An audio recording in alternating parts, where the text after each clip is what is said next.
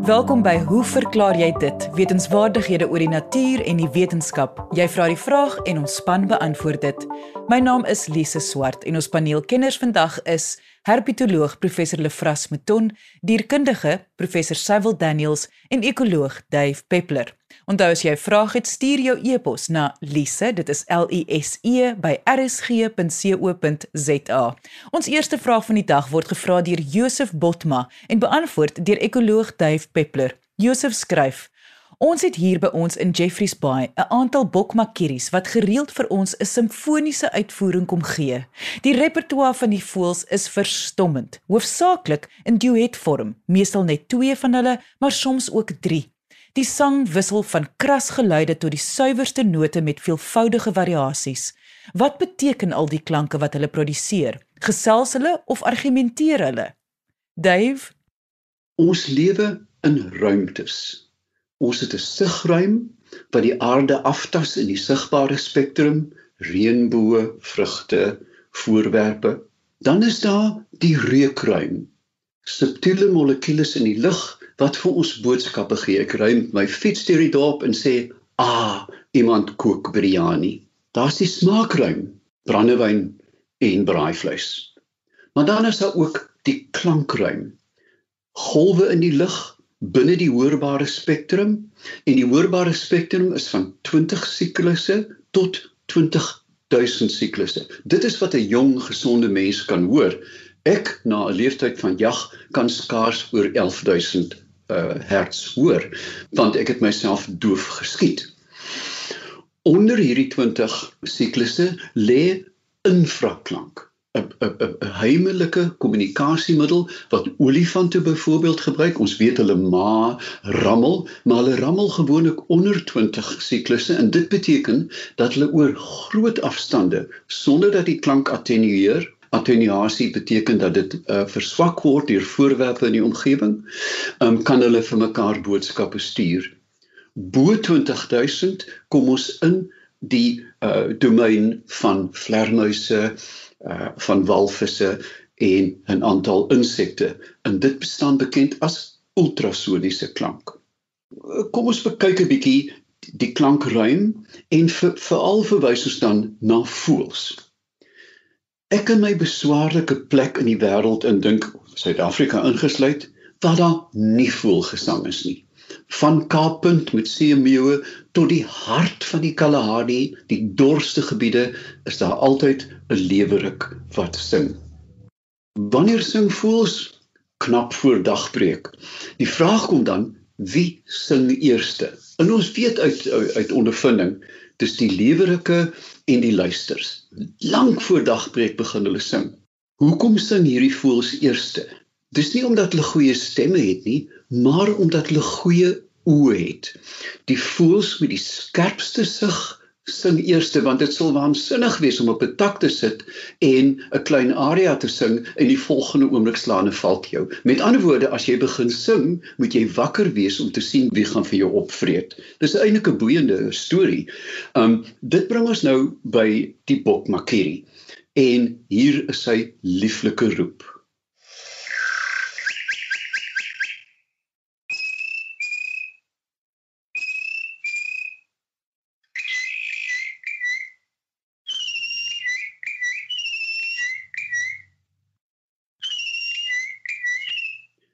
Nou, as jy fyn luister, gaan jy hoor hier is 'n duet aan die gang. Dit is twee mannetjies wat vir mekaar sing, maar ons kom later by die vraag hoekom hulle dan vir mekaar sing. Nou, as jy dink die bokmakkerie sing mooi, dan is daar die Maria Callas van die voëlwêreld.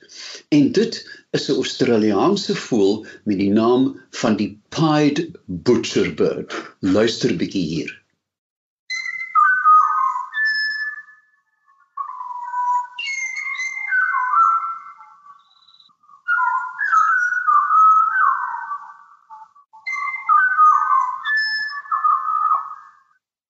Nou die pied butcherbird is wêreldberoemd omdat hulle soos Johann Sebastian Bach variasies kan sing. Elke oggend staan die pied butcherbird op of klim uit die nes uit altans en dan begin hy met 'n tema of 'n aria. En soos die sang verloop, begin hy varieer. En ons vind dit uh, die absolute eweknie natuurlik in ons westerse musiek, nie noodwendig in die oosterse musiek nie, maar in westerse musiek met Johann Sebastian Bach. Luister 'n mens na sy goddelike Goldberg variasies, begin dit met 'n baie sagte tema of 'n aria en dan vir die volgende uur varieer hy hierdie tema of aria. En dit is net so met die Butcher Bird. Nou, kom ons by die vraag Lise, Hoekom sing voëls überhaupt? Hoekom doen hulle die moeite om te sing? Voëls vokaliseer op twee maniere. Ek het die woord nagegaan mense, dit is 'n Afrikaanse woord. Eerstens is daar roepe. Met ander woorde, die rooi oogduif in die lemoenboom wat roep toe toe toe toe toe toe toe toe toe toe toe. En dan is daar voel gesang wat komplekse samestellings is van hierdie roepe. Sang het te maak met territorium, né? Nee, as jy 'n lang storie sing, dan sê jy vir jou buurman, dit is my woongebied, my broeigebied, my voedingsgebied. Maar roepe het te maak met alarm Met ander woorde, as daar skielik 'n slang verskyn of 'n mens, dan skree die voël skielik en almal kyk op En dit is nie noodwendig beperk tot 'n spesifieke spesies nie. As jy in die jagveld loop, um, en jy bekruip 'n bok en jy trap op 'n kiwiet, dan sal ander voëls almal begin roep want die kiwiet het 'n gevaarroep gehad. En hierdie alarmroepe het dan ook 'n funksie by groepkohesie dat die groep word beskerm deur die man met die skerpste oë. Die hoogste vorm van sang by voëls kom voor by die sogenaamde Passeriniformes. Nou dit is die voëls wat met gryppote op takke sit. Jy dink aan die een kant aan 'n aan 'n kanarie en aan die ander kant aan 'n uh volstruis wat nie op 'n tak kan sit nie. Um met ander woorde dit gryppote en dit is ook interessant dat hierdie groep wat gryppote het en op takke sit die beste sing. Hulle het ook gewoonlik 'n gekose sangtak. Hulle gaan sit op 'n spesifieke plek om hulle lied te adverteer. Die meganisme van die klank voortbring is soos die mens deur 'n apparaat 'n struktuur in die lugweë wat bekend staan as die syrinx, maar dit sit onder aan die aan die lugpyp in teenstelling met die trachea by soogdiere en mense wat bo aan sit. Een van die hooffunksies van van voelsang in die algemeen is om 'n maat te soek en te behou. Hoekom? Dit is verstommend dat wyfies van voelspesies luister nie noodwendig na die kompleksiteit van die sang nie, maar na die krag. Met ander woorde die inherente volume van die van die van die sanger. Want dit beteken hy is fiks. Dit beteken hy het tyd om te voet. Hy het tyd om te sing en hy het tyd om te varieer. En hoe meer fiksie is hoe meer van hierdie arabeske in die sang kan jy uitvoer en wyfies luister beslis na die beste sangers om hulle as maats te kies Die tweede een is natuurlik die afbakening van 'n territorium. Daar is min voëls wat nie 'n territorium het nie wat hulle afbaken met gedrag, hulle sal vlerke sprei of in 'n sekere postuur sit, maar dit is hoofsaaklik deur roepe. Uh selfs parasiete soos Piet my vrou sal met groot wrevel sy uh, territorium beskerm teen ander voëls wat dit probeer binnendring. En dan is daar 'n verdere funksie en dit is groepkohesie in gemengde groepe. As jy byvoorbeeld in die tropiese en neotropiese gebiede werk soos ek as skoolkundige, dan bestaan die uit kenmerkende eienskap van voeltipes binne die biome in die groep nie in die, in die individu nie. Jy sal sien daar's 'n houtkapper, 'n speg, ehm um, en byvoorbeeld katlagters sal saam in 'n groep uh, uh voet en die gesamentlike roepe hou hulle dan bymekaar. Nou daar is natuurlik ook duette en ons het 'n voorbeeld gehoor by die Bokmakiri en van die bekendste is natuurlik ons gevlekte ooruile. Sit in die nag, veral nou wat hulle begin met hulle paar gedrag en dan hoor jy hoe hoe en dan roep die uh die wyfie hoe hoe hoe. Met ander woorde, hulle praat heeltyd met mekaar in 'n baie diskrete taal. Mannetjie sê hoe hoe, die wyfie sê hoe hoe hoe. En ek sit baie keer vir ure net in verwondering en luister na hierdie pragtige duette en ons kry dit by die fiskale en vele ander voëls. Dan is natuurlik die bekende nabootsers, die African grey papegaai, alom bekend wat enige iets byna kan naboots. Wat wel interessant is, ek ken hulle natuurlik in hulle natuurgebiede uh, in die trope. Ek het in Uganda en Rwanda troppe van 50 of meer gesien vlieg sonder 'n enkele woord. Daar is nie alarpalle nie. Hulle vlieg eenvoudig stil, maar in gevangenskap begin hulle gewoonlik deur neurose hulle hoorgebied aftas en boots dit dan na en so kry hulle dan aandag. Nou die frekwensies waarmee die voëls hulle roepe adverteer is verbasend smal. Dis omtrent van 50 Hz wat 'n basnoot is tot in die orde van 12000 kHz, 12000 siklusse per sekonde. Leer hulle iets daaruit? Ja, 1000 maal ja. Daar is wonderlike studies gedoen in Duitsland waar die alombekende blackbird 420 blackbirds baked in a pie, hulle ken die liedjie. Nou hulle is van die voorste sangers in Europa en klink klaar bewys dat dorpe beskrete uh sangers van blackbirds het. Met ander woorde, as jy byvoorbeeld 'n blackbird uit Berlyn vat en jy vat hom na Bremen, dan kan 'n voelkenner vir jou sê hierdie voel kom uit Berlyn want hy sing die Berlyn dialek. Dit is verstommende goed wat om ons aangaan wat ons eintlik nie eers besef nie. So Josef, uh, jy raak aan 'n boeiende aspek van voellewe. Die begin van wysheid by voelkykery vir my is altyd om eers die roepe van standvoels om jou huis te leer. Dit verdubbel die genot aan aan die oefening van voelkyk. Baie jare gelede het ek om middernag in Tel Aviv geland. Ek was nog nooit in Israel nie. Ek is teen 2 uur in my hotelkamer toegesluit en die oggend lê ek die hotel in die rand van die stad en die die die eerste lig kom uit deur my gordyne en daar op my bed sonder dat ek ooit in Israel was kon ek duwe ek het nie geweet wat hier nie maar ek kon duwe ek kon ehm um, spreeus en mossies uitken. En dit het my laat besef dat nooit weer sal ek eensaam wees nie. Van teen my ruite waar ek oral in die wêreld beweeg is daar altyd hierdie wonderbaarlike klankskakels met die natuur. Ons tweede vraag van die dag word gevra deur Piet van Staden en beantwoord deur dierkundige professor Cyril Daniels. Piet vra: "Waarom is daar so groot afname in die getal van witdoodhaie langs die kus van Suid-Afrika? Vanaf 2019 sien mens al hoe minder. Wat is die verklaring daarvoor?" Professor Daniels Daar is twee hoofredes. Daar is direkte redes en daar is indirekte redes. Die direkte rede het te doen met die spesifieke vangs van haie vir hulle vinne. En hierdie word gewoonlik gedoen deur skepe, veral in die ooste. Hulle vang die diere, hulle sny die vinne af en hulle gooi die dier dan nou net so lewendig terug in die water wat in my opinie nog 'n redelike barbaarse uh, praktyk is, maar nietemin dit is nou een van die redes. Met ander woorde, mense vang die diere spesifiek vir hulle vinne en dan maak hulle natuurlik um die vinne droog en hulle gebruik dit in in sop.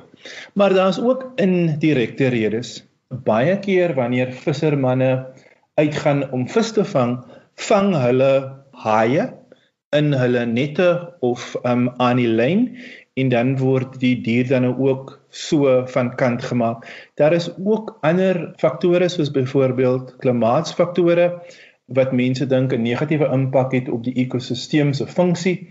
Met ander woorde, daar's minder prooi items beskikbaar, so daar's ook in die algemeen baie minder uh predatore in die ekosisteem. En natuurlik weet ons dan nou dat haie top predatore is.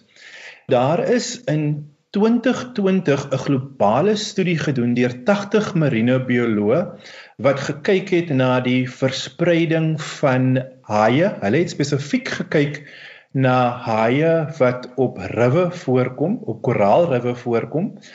En daarvoor het hulle na 85 lande gekyk en hulle het na meer as 500 kamera beeldmateriaal gekyk van hierdie diere. Met ander woorde, hulle stel die kameras onder water op by hierdie riwe oor 'n groot verskeidenheid in al drie van die oseane en dan oor 'n 5 jaar periode analiseer hulle hierdie data.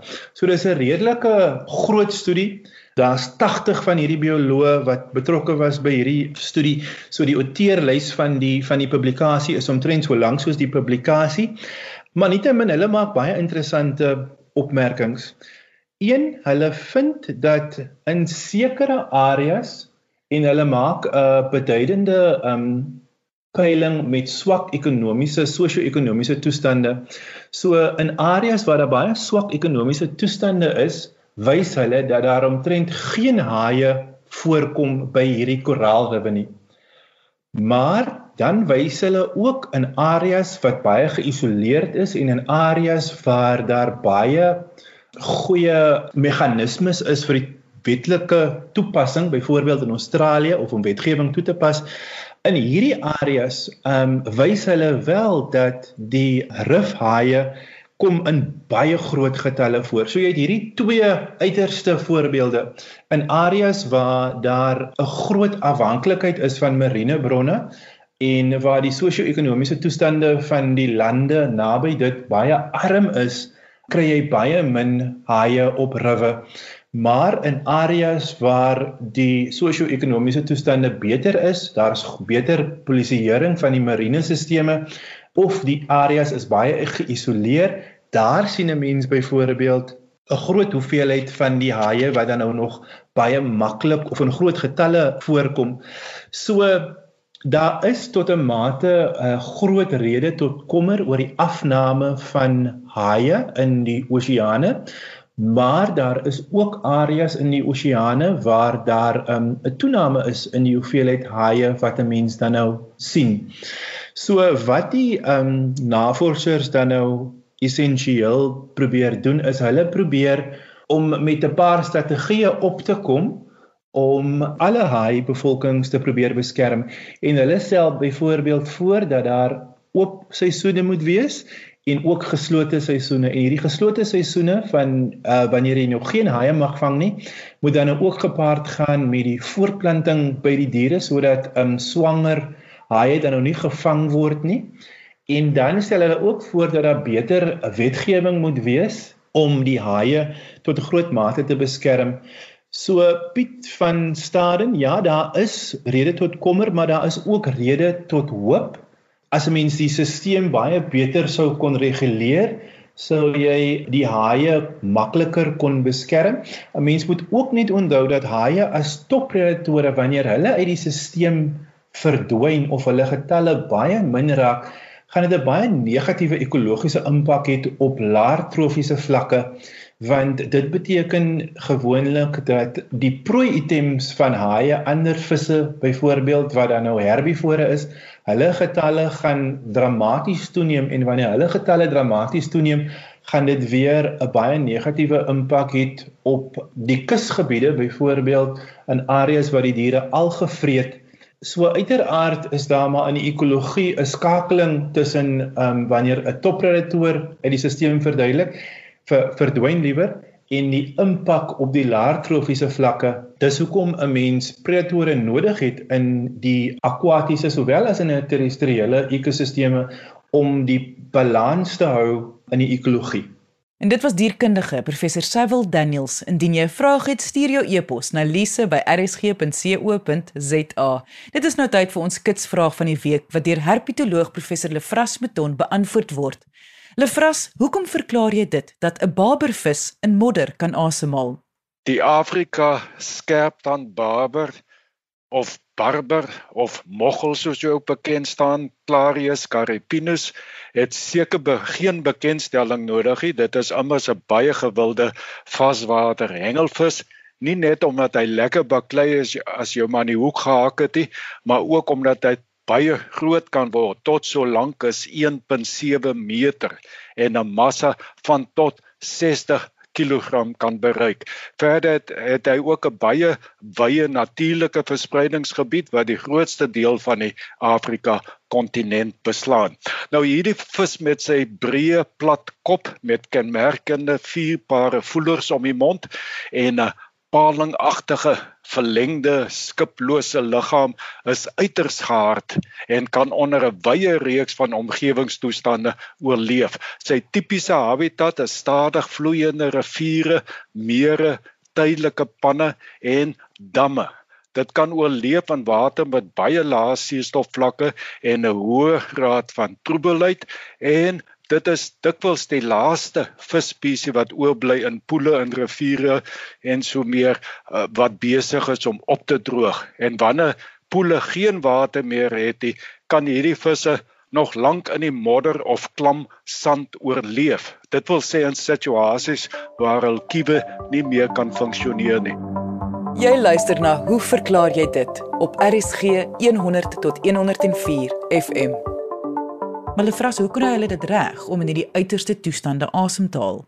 Die skerptand barber kan in modder en ook buite die water oorleef omdat dit spesiale hulpasemhalingsorgane het, die sogenaamde suprabronchiale organe wat hulle in staat stel om lug in te asem en dan suurstof uit die lug te onttrek. Aan elke kant van die kop, net bo kan die kiewe, is daar 'n ruimte wat so 'n vertakte boomvormige struktuur is. Nou amper soos 'n blomkoolkop bevat. Nou hierdie struktuur is ryklik van bloed voorsien en wanneer die vis buite die water is of natuurlik nou ook in modder, kan hy lug hap en dit soos normaalweg met water die geval sou wees dan nou na die kiefkamers forceer waar dit dan in hierdie suprabronchiale organe sal beland waar gaswisseling sal plaasvind.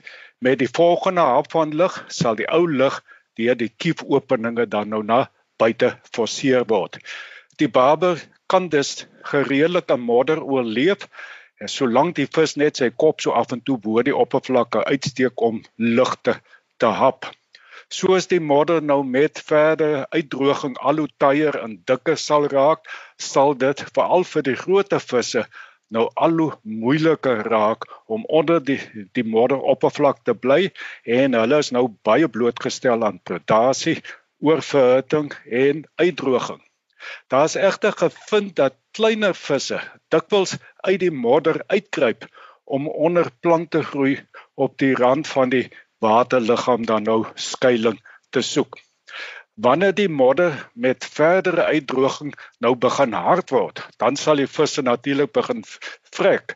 En al wat hulle nou kan red is wanneer dit betyds begin reën en seisonale panne en ander waterliggame soos damme dan nou weer opvul.